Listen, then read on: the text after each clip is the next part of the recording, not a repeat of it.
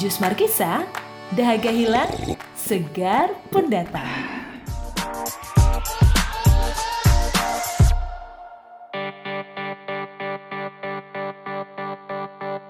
Orang berpendidikan itu adil sejak dalam pikiran.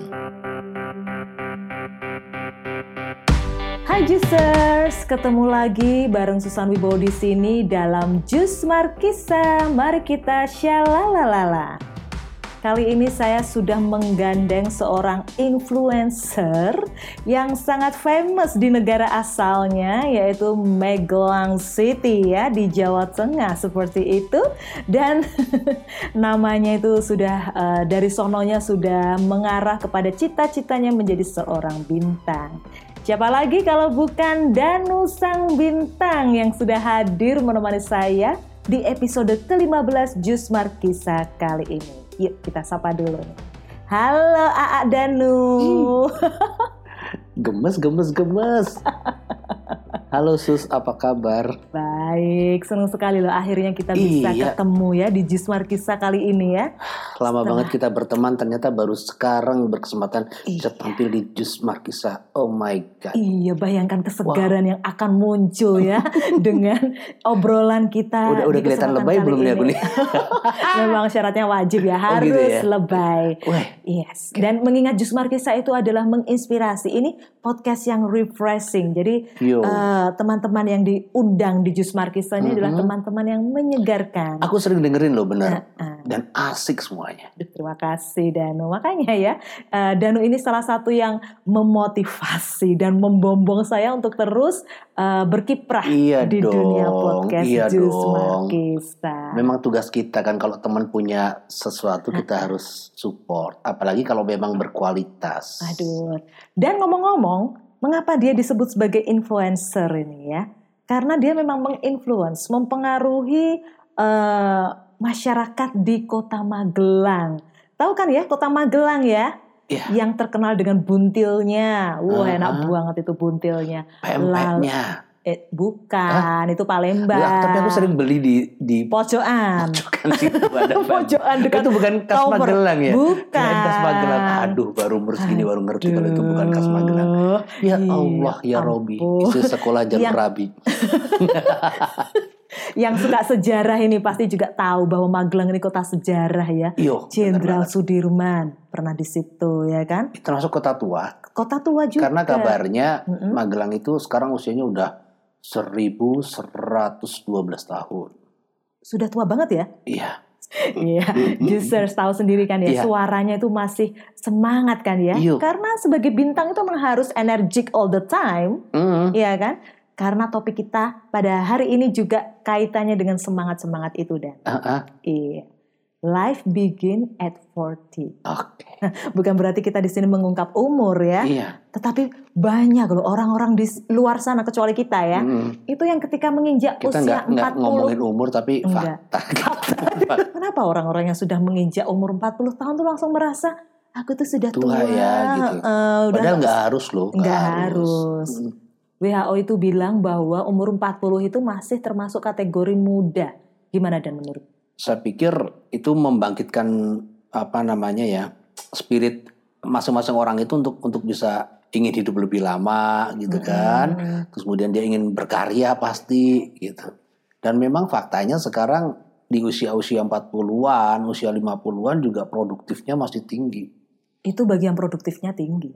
Tapi banyak Hmm. juga itu kenapa kok sampai ada istilah life begin at 40 karena ternyata beberapa itu merasa bahwa di usia 40 itu adalah usia sudah mapan. Jadi nggak usah melakukan apa-apa lagi, nggak usah mengeksplorasi diri lagi. Ya Hmm. udah diterima itu aja. Bisa jadi sih karena memang banyak yang di luar sana usia 40 itu memang sudah pada angka mapan. Eh, mereka eh, tidak melakukan ah udahlah apa-apa sudah tercapai kok ngapain Iya. lagi gitu. Dan itu justru membelenggu membelenggu mereka untuk berkreasi. Pernah nggak dan kamu ngerasain kayak gitu dan? Pernah Waktu Dan- sudah kepala empat atau belum? setelah Oh berarti mm-mm, sudah menginjak Oh, ya? oh, setelah setelah terus terus terus. kepala empat itu terus merasa kadang gini, apalagi di masyarakat kita, masyarakat di mana kebiasaan bahwa gue iki wis tuwa gitu loh, Mm-mm. apalagi di Jawa ya, mm Mm-mm. gue wis tuwa rasah aneh-aneh lah, Hmm. wes lah gantian karo sing enom gitu.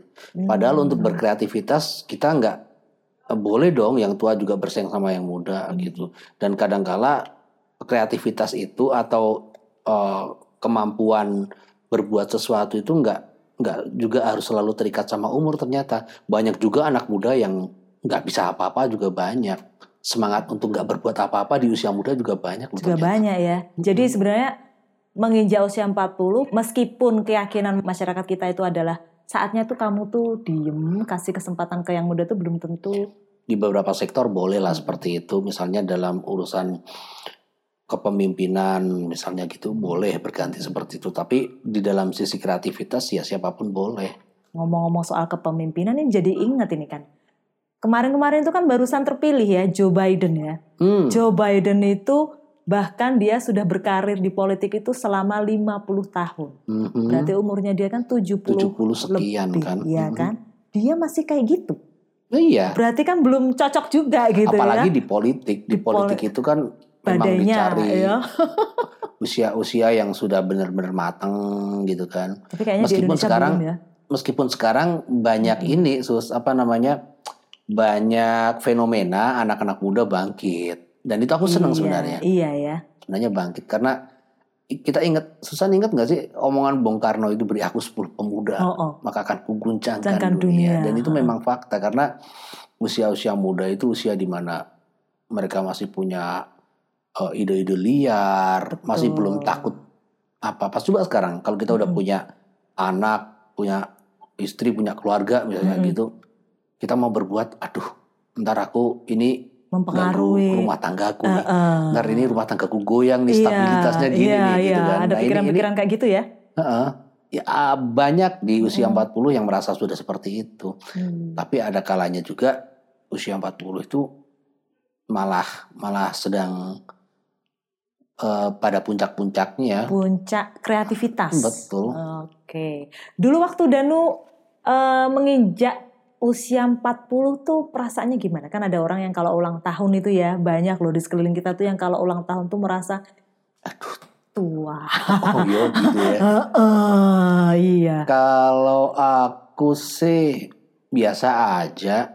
Cuman Hmm. memang memang kadang malu Hmm. ketika ketika dalam aku kan suka main musik juga Hmm, gitu. hmm. Ada ada ranah-ranah di mana aku harus ngasih kesempatan buat yang lebih muda untuk berkarya di situ. Hmm. Misalnya nih, kalau Hmm. dulu kan kita sering main di wedding. Hmm. Kita main sering main di wedding terus eh, lama-lama nggak nyaman juga ya.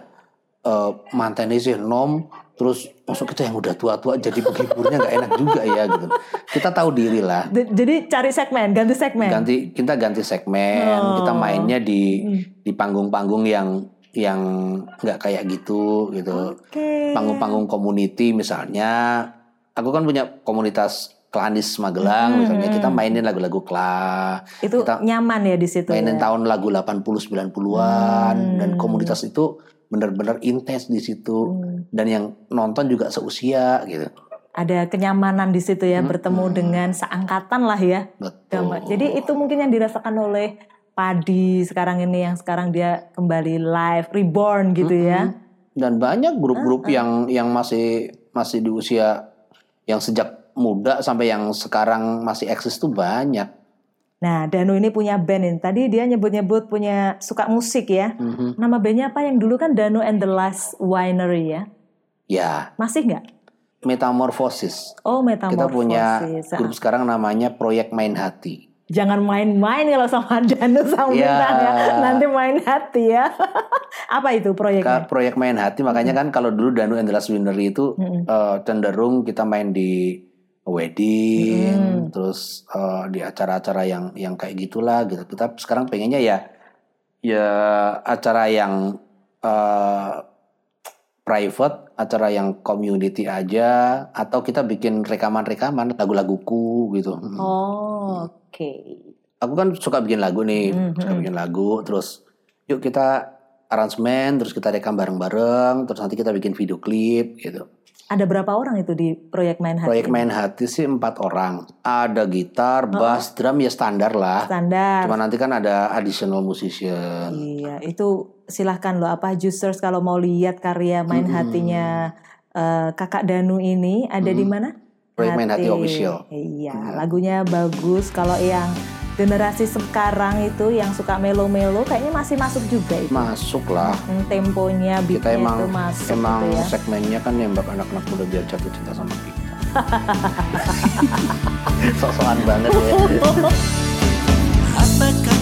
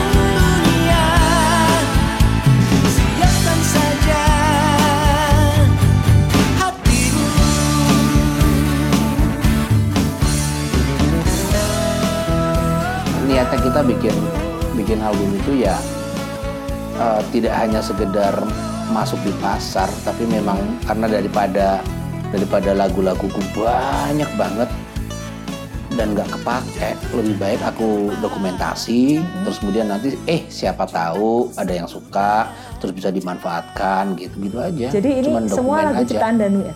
Mm-mm. Temanya juga ngeri itu. Nah itu kan, jadi untuk generasi muda zaman sekarang ini yang ngakunya rebahan itu Dan, Heeh. gimana pendapatmu itu? Nggak apa-apa, rebahan, nggak apa-apa. sementara kamu hiperaktif. Loh, kan emang gini, kan emang eh, tipikal generasi sekarang kan emang emang tipe rebahan, biarin aja. Itu itu sesuai dengan dengan generasinya kok. Karena memang orientasi mereka kan nggak nggak kayak kita lagi. Ya, ya biarin aja mereka hidup dengan dunianya masing-masing. Mereka setiap generasi, setiap orang itu punya punya Ciri khasnya sejarah ya. sendiri dan mereka pasti bisa aku yakin kok mereka bisa apa namanya survive dengan cara mereka gitu loh. Contoh simpel lah. Aku kan punya anak kelas 6 SD. Terus dia ngasih tahu, "Ayah nggak nggak nggak daftar di Karya Karsa nih." Karya Karsa tuh apa gitu loh. Loh itu kan eh, apa namanya tempat kita bisa cari uang ya. Tadinya awalnya dia nyari bilang gini, ayah aku minta uang 100 ribu. Loh buat apa? Buat ngasih orang. Kamu mau nyumbang orang ke yatim piatu? Hmm. Enggak, temanku ada orang yang karyanya bagus di karya karsa. Aku pengen ngasih donasi gitu. Sebenarnya gini, semua platform, semua platform atau semua cara yang dilakukan oleh uh, anak-anak sekarang pasti nanti akan membuahkan hasil kok aku yakin karena Tuhan kan juga udah udah memberikan kepastian itu kalau siapa pun yang berusaha dia akan berikan jalan. Betul sekali. Nah Dan. itu yang yang yang aku pegang.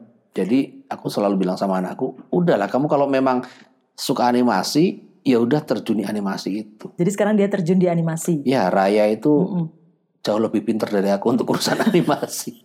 Ya tapi tetap ada campur tangan aku. Jadi gini, anak usia segitu kan dia nggak bisa how to promote Mm-mm. uh, himself misalnya gitu. Jadi aku harus harus mamerin dong kalau dia bisa gitu. Oke, jadi Nah, dibantu ya. Iya, tetap ada. Mengendorse Raya ya. tugas dari orang tua itu sekedar itu saja gitu loh. Jangan jangan terus kemudian Betul. kamu harus jadi insinyur, kamu harus jadi Iya. dokter gitu. Tuturi Handayani. Ini Raya, Dari belakang. Aku cuman iseng aja Mm-mm. ketika dia bikin uh, tugas kan sekarang daring nih. Mm-mm. Terus dia bikin video, bikin video tentang olahraga ini, terus atau bikin Yang kayaknya air itu. Nah, Nah, itu kan terus itu. aku bilang, Dek, caranya gini, Dek, kamu bikin lukisan itu terus nanti tak bikin gini gini. Tak ajarin nih ngeditnya gini gini gini. Terus dia yang dia mudeng kan cara ngeditnya. Berikutnya, ayo Dek, kamu bikin ngedit sendiri, ayah bikin ngedit sendiri gitu. Terus aku Untuk ngeditnya objek yang sama. objek yang sama. Aku ngedit lama gitu. Dia datengin, ya kok lama? Kamu udah selesai? Udah. Dan hasilnya lebih bagus dia. Jadi emang emang anak sekarang kayak gitu. Iya, bener, lebih bener, lebih mudengan, lebih Heeh. ngerti eh, install misalnya apa gitu. Aku tanya, "Dik, kamu installnya dapat dari mana?" Iya. Dari YouTube. Tahu loh dia itu. Dan kemarin dari hasil promosiku eh, ke gurunya misalnya gitu kan, tak pamerin nih hasil kaya raya nih gitu kan ada forum forum orang tua Orang murid tua. terus di situ ada gurunya, uh bagus ya Mas Raya ya gitu. Hmm. Tak pamerin dia bisa bikin apa gitu. Eh kemarin dia ikut eh, di aku dihubungin sama gurunya. Pak Danu ini Raya ikut ini ya, ikut lomba bikin animasi PPT PowerPoint Hmm. gitu kan. Tentang ini ini ini ini. Ya udah, Ikut. ikut Mm-mm. juara satu di kota. Wah. Sekarang maju tingkat provinsi gitu. Jadi, Ini, ini sekarang Iya. wah semoga Raya menang ya. Nah, gitu. Mm, Nah, seperti Ya, itu ya. ya supportnya aku kasih ke dia. Kalau kamu menang juara satu, bonusnya kamu bisa masuk di sekolah yang kamu pilih dengan jalur prestasi. Mm. Yang kedua hadiah dari spesial. Kamu minta apa? Kucing. Oh, dia minta kucing karena dia Kucingnya kucing apa kira-kira? Jangan-jangan kucing yang uh, very very Kucing. expensive Oh, gitu ya. kucing guarong Kucing tentu saja. Pasti ini selera bapaknya ini ya. Bapaknya banget kalau kucing garong. Enggak lah. Ya. Jadi di sini kan users ya udah kelihatan ya bagaimana Danu Sang Bintang yang generasi ya sekitar generasi X gitu ya X. memahami generasi Z dan generasi Alt. Sebenarnya saya sukanya triple X. Triple X Nggak ya. cuma X. Itu film yang terbaru itu. yang dibintangi sama siapa tuh? Aduh. Botak kepalanya. Ya Allah. Iya itu tadi Justus gimana? Sudah terinspirasi belum? Gak cuma seni musik ya Danu ini, tapi dia juga suka foto. Ceritain dong dulu waktu pernah bikin buku juga loh Justus. Jadi dia itu tertarik dengan sejarah Magelang kayaknya ya. Mau Hmm. saking cintanya sama Magelang sampai dia tuh menguri-uri kebudayaan eh, Jawa yang ada di masyarakat Magelang melalui karya fotonya yang dibukukan. Ini buku ini foto. user sebenarnya yang bikin Susan agak ragu-ragu ngajak saya itu karena gitu karena saya nggak punya spesialisasi. Berarti eh, buku ya, bukan bukan buku fotonya doang, tapi kita kan udah bikin banyak buku. Ah, Awalnya tuh aku yakin ah, banyak teman-teman muda yang di Magelang itu punya kualitas menulis yang bagus dan ternyata dugaanku benar. hmm, untung ya. Setelah aku sounding, ternyata ketemu nih beberapa teman untuk kita bikin komunitas namanya Membaca Magelang. Terus ketika mereka mengusulkan, yuk kita bikin buku yuk mas, biar penulis-penulisnya bergairah. Terus ceritanya gimana? Ya mereka bercerita tentang kotanya masing-masing gitu loh. Terus aku bilang, kenapa kita nggak bikin khas Magelang aja? Orang Magelang berbicara tentang Magelang, kan belum pernah ada bukunya. Selama ini yang ada hanya katalog-katalog atau buku-buku dari dinas terkait, dan mereka hanya Beda membuat perspektif ya. Mm-mm, aku pengen orang Magelang itu melihat Magelang dengan cara mereka, sudut Iya. pandang mereka. Akhirnya muncul buku membaca Magelang. Membaca. Kenapa kok bukan menulis Magelang? Karena kita sedang membaca Magelang, bukan menulis Magelang. Jadi yang nulis kan memang penulisnya, Mm-mm. tapi yang baca kan Orang pembaca biar- gitu mereka ya. biar biar bisa membaca tentang Magelang itu apa sih? Gitu Makanya loh. judulnya membaca, membaca Magelang, gitu itu ya. komunitasnya pun juga namanya komunitas penulis tapi membaca Magelang. Membaca Magelang khusus ya. khusus. Jadi Itu eh, level usia berapa? semuanya. Oh kita tidak membatasi usia, tetapi kita membebas. kan dan dan itu multi multi profesi loh. Hmm. Ada anak SMA, ada mahasiswa, ada PNS, ada bakul bakso, Hmm, ada tukang becak, semuanya iya ya. semuanya nulis di situ. Mereka untuk mau menulis itu penulis-penulis ini tak jadiin trainer. Eh Hmm. kamu harus bisa motivasi mereka loh ya mau nulis gitu. Temanku yang bukan penulis pun akhirnya mau nulis itu. Jadi pertamanya di coach dulu ya. Eh, bukan coach tapi memberi spirit Memberi spirit. bukan coach. Jadi mereka menulis sakarmu karena kalau kita ajarin cara menulis yang bagus, mereka akan stres. Stylenya beda gitu Stylenya ya. beda. Jadi biar mereka nulis dengan stylenya mereka, terus kemudian nanti kita yang edit aja. Ngeditnya dalam hal kan karakternya beda-beda. Iya kita sesuaikan karakternya, kita tidak menghilangkan karakternya, Hmm. tetapi kita membuat Tanda itu bacanya. lebih enak enak Oh, dibaca gitu. oh, Mau ceritanya sejelek apa pun tetap kita angkat dan Hmm. itu akhirnya menarik juga kok. Satu buku berapa tulisan kemarin? Ada kalau kalau sekitar 30 tulisan atau 30 berapa, tulisan? Satu rata-rata. buku? Dan itu Udah ada sampai saat ini udah ada empat buku membaca Magelang. empat, Empat seri. empat seri membaca Magelang. Baca Magelang yang pertama itu umum, cerita umum Hmm. tentang sudut-sudut kota. Jadi aku pengen memang membikin ketika orang datang ke Magelang terus membaca buku itu atau orang-orang Magelang yang ada di luar sana membaca buku itu dia akan inget Magelang dan kangen sama Magelang. Hmm. Oh, Taman Badaan tuh kayak gitu, Iya, alun-alunnya kayak gini. Oh iya bener ya di sini ada gudegnya ya gitu.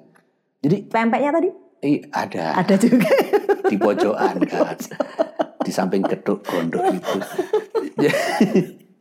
geduk gondok juga di pojok soalnya iya. Baca Magelang kedua itu tentang eh, sekolah Khusus sekolah. khusus sekolah Apa pun. apa pun jadi siapa pun menulis tentang sekolahnya masa lalu Hmm. ada SMP Tarakanita SM di mana gitu bercerita dan asik-asik loh Itu juga ternyata sekitar 30-an gitu. Mm-mm.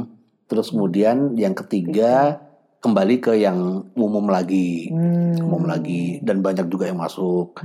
Yang keempat membaca pasar Magelang. Ditambahin pasar gitu ya. Hmm, jadi mereka bercerita tentang pasar-pasar Magelang bahkan yang udah mati pasarnya atau yang Oh. wah, asik banget itu. Dan kita baru ngerti oh dulu ada dolanan kayak gini toh. Oh dulu di sana ada jenang toh ada apa gitu. Karena beda generasi itu tadi ya yang nulis Betul, ya, lintas betul. generasi ya. Terus kita juga kalau buku apalagi ya kalau baca Magelang itu. Kalau baca Magelang cuma itu, tapi kalau kalau aku sendiri udah bikin buku fotografi yang Susan tadi bilang Hmm. juga tentang Magelang. Hmm, itu tentang Magelang juga, Jadi banyak- cepretan sana sini ya. Mm-mm. Jadi dan itu banyak yang pakai handphone aja loh. Iya, Mm-mm. dan aku di foto, deskripsinya. foto handphone aja gitu loh. Empat buku itu penulisnya satu angkatan atau beda angkatan? Beda. Itu beda semua, berarti Beda ada empat semua. angkatan ya? Kayak Oh. semacam empat angkatan gitu. Ada juga yang ikut di pertama terus ikut ketiga juga Oh. ada gitu. Orangnya tapi banyak yang beda.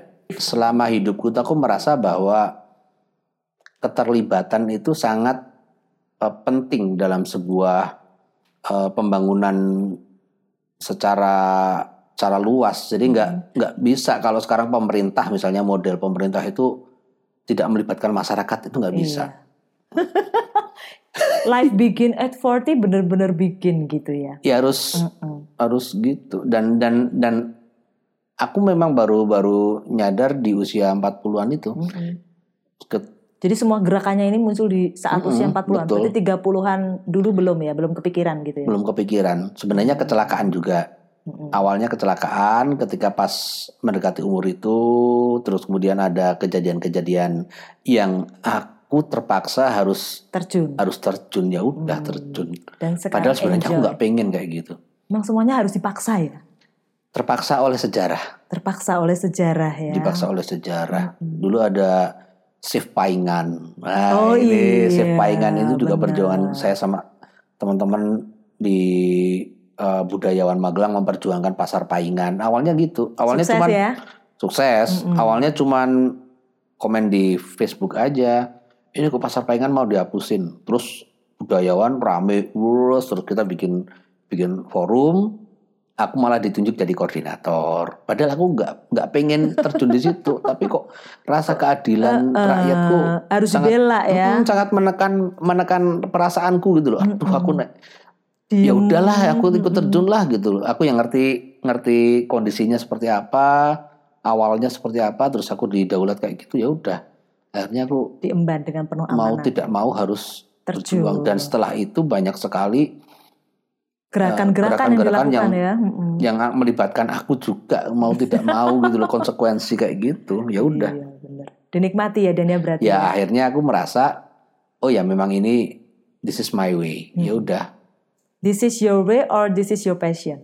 kalau dibilang passion sebenarnya aku passionnya ya di seni cuman Di seni. kalau kalau takdirnya aku harus seperti itu rasa rasa kemanusiaan rasa keadilanku harus memperjuangkan itu ya aku harus gimana lagi Siapa tahu bisa lewat seni. dan kadang berbenturan loh Iya. Kadang Kenapa kok berbenturan? jadi Kan seni juga merupakan perwakilan suara rakyat kayak Iwan, Iwan Oh, iya. itu. Iya. Iya kalau kita udah punya suara suara yang gede punya Mm-mm. punya nama gitu kita bisa bersuara seperti itu. Mm-mm. Dalam skalaku iya Mm-mm. sih aku sudah punya nama seperti itu tapi aku kan juga harus ngasih makan anak istri. Seni itu kan buat nyari duit sebenarnya. Hmm. Tapi karena aku bergerak dalam uh, dunia seperti itu orang pada takut mau ngejob aku. Karena selalu Oh. Oh, Magelang kan kota kecil, terkait selalu terkait satu sama lain. Ketika sing digawe jebule cedak wali kotane Gak misalnya. jadi. Aduh, iya, Danu tuh bagus tapi nggak enak aku mau ngajak Danu wali kotaku tak undang ya gitu. Jadi Oh. itu Di- jadi dipertimbangkan ya. hmm, sering kali Oh. terkait. Nah, itu aku dinasihatin sama temanku. Yo kamu harus bisa ada di tengah gini-gini. Lu rasa kemanusiaanku nggak bisa. Hmm, kau nggak bisa berada di tengah-tengah gitu Nggak ya? bisa. Mungkin aku ya. harus harus tegas. Kalau untuk Hmm. urusan kemanusiaan, untuk urusan eh, prinsip aku harus tegas. Hmm. Aku bilang aku tidak mau mengkhianati apa yang aku Yakini. yakini itu benar. Tapi itu benturannya dari sisi ekonomi mungkin ya. Mm-mm. Kalau yang dari sisi keamanan yang eh, bisa membahayakan keluarga gitu-gitu, Ya aku nggak goblok-goblok amat lah. Jadi Amat ketika goblok gitu. Kasihan amat deh kasihan amat itu. Ya ketika nyerang ya sesuatu yang yang memang memang itu harus kita kasih kritik. Tapi kita kita juga apresiasi jika jika memang ada hal yang baik ya kita apresiasi. Oh ya, jadi balance gitu ya. Balance lah. Aku aku Hmm. selalu Jadi nggak sampai itu ya menimbulkan kerawanan-kerawanan yang membahayakan keluarga yang gitu ya. yang paling aku pegang itu omongan Pramudia itu Mm-mm. orang berpendidikan itu adil sejak dalam pikiran. Adil sejak dalam pikiran. Kalau Ya. pikirannya sudah adil, maka perbuatannya juga adil ya. Ya, makanya kan aku tidak mau terlibat konstelasi politik. Jadi eh, banyak sekali pesan yang bisa disampaikan oleh Danu ya Hmm. kepada generasi Serius milenial. banget ya kita ngomongnya ya kali ini ya. Kita sangat inspiring, ya inspiring Abot Danu. banget. Angel, angel. Ngomong kayak politiknya abot emang ya. Ngo- ngomongin enak, eh, bukan politik, ngomongin keadilan. It's Oke. very very hard ya. Uh-uh. It's very abot gitu. Iya, betul. Tapi nggak masalah, biasa. Jus itu emang agak berat. gitu. Mm-mm. Dan hanya orang berpendidikan yang bisa mendengarkannya. Oh, duh. Aja, oh ya pendidikan. pendidikan mendengarkan. Pendid- oh iya dong. Karena semua orang kepinginnya ngomong dan ya kan kapan mau mendengarkan. Ini Jus Marquez kan? saya ini inspiring banget tuh. Wes. Aku sering-sering dengerin dan dan oh iya juga ya. Eh, ada dunia lain di luarku yang aku nggak nggak nggak ngerti selama ini dan ternyata dibukakan di sini gitu. Aduh, Nah ini kan sumber literasi yang asik juga. Terima kasih dan memang tujuannya seperti itu Harus ya. gitu. Iya. Jadi nggak salah ini Jus Markisa menghadirkan Danu Sang Bintang ternyata menjadi seorang influencer itu banyak sekali pergulatan yang dialami. Dan kalau boleh dikatakan pergulatan itu hanya bisa disikapi atau bisa ditaklukkan oleh orang-orang yang sudah dewasa psikologisnya gitu ya, memiliki emotional intelligence. Berat sebenarnya berat sih. Berat kan, tapi bisa melaluinya hari demi hari ya dan Sambil nangis, Oh, tak kusangka. sambil nangis. tapi tapi kan aku nggak nggak pernah menunjukkan sisi lemah. Jadi aku nggak ingin orang melihat bahwa aku itu terkoyak-koyak gitu, atau atau begitu Tercabik-cabik sakit gitu ya. Padahal aku nggak benci sama pemerintah. Aku cuman Menentang ketidakadilan. ya itu aja. Itu aja kan. Itu loh dan yang bikin berat obrolan kita tuh karena menentang ketidakadilan. Nah itu dan kadang yang yang paling dirasa yang tak rasain paling paling banget itu adalah aku kok merasa jalan sendiri ya. Oh gitu. Gimana kawan Danu? Ya mereka support, Support. tapi kan mereka tidak setiap waktu ada ada atau ketika aku menghadapi sesuatu kadang aku juga merasa dikhianati gitu sering. Gitu ya. Dan kalau sudah berpikiran seperti itu Danu harusnya ingat The Lion King. Apa Di ya? mana-mana lion itu sendiri. Oh, Tidak ada lion itu segerombolan, serombongan singa sedang berlari mengejar sekawanan nah rusa. Nggak dia. ada. Ya kadang Iya. eh, akhirnya aku juga ya udahlah karena Sendiri pasti. nggak boleh baper juga kan, Iya, nggak boleh baper. sekali. Jadi ya, harus- ya, the show must go on. Iya, benar. Perjuangan teruskan dan kerikil maupun batu maupun gunung yang dihadapi itu tanjakin aja. Ya. Kalau kerikil tendang. Gitu. Pokoknya kalau hutan pasti akan kuterobos. Iya. Gunung Sungai. kudaki, sungai ku lewatin. Kalau ada jembatannya kan. Asal nggak hujan. Gimana? Kau kalau hujan luntur apa gimana kan? Enggak kalau hujan, kalau hujan tuh selalu bikin aku terenyuh. Melankolis banget, saudara-saudara. Berarti lagu-lagumu tercipta ketika musim hujan Kerasa nggak sih kalau ya? kita hujan terus kita ada di balik jendela gitu sambil melihat air netes di eh, kacanya itu Oh iya, meleleh mengembun gitu. gitu ya. Langsung mengharu biru ya. sih, gitu, Uh. gitu. Kalau saya suka lihatnya pantulan di hujan. Oh, Ya, oke. Pantulan-pantulan yang Asik muncul, gitu. asik banget itu.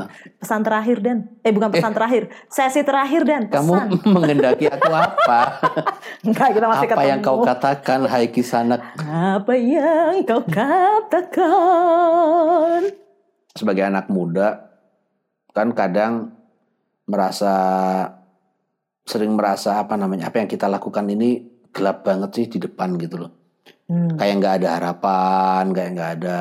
"Ah, aku ngelakuin ini sebenarnya ada manfaatnya nggak sih gitu loh. Selama kamu yakin bahwa itu adalah passionmu, terus kemudian itu bermanfaat buat orang lain, yakin pasti akan ada pasarnya kok itu. Yakin pasti ada pasarnya. Ada Jadi nggak usah eh, mengundurkan langkah ya, jangan sampai Iya. mundur gitu ya. Kalau belok kiri jalan terus gitu kan oh iya, soalnya. Heeh. Oke, Benar. jadi pesannya tetap berjuang, Ya berjuang aja, sekalipun di depan itu gelap. gelap. Karena kamulah lilin itu ya. Buat dia jalannya gelap, tapi siapa tahu dia nggak nggak sadar kadang bahwa dia itu adalah lilin buat orang lain. Luar biasa. Terima kasih banyak ya. Danu ya, di sela-sela kesibukannya akhirnya kita bisa ketemu Oke, secara langsung. Bro, thank you banget sudah diajak di sini.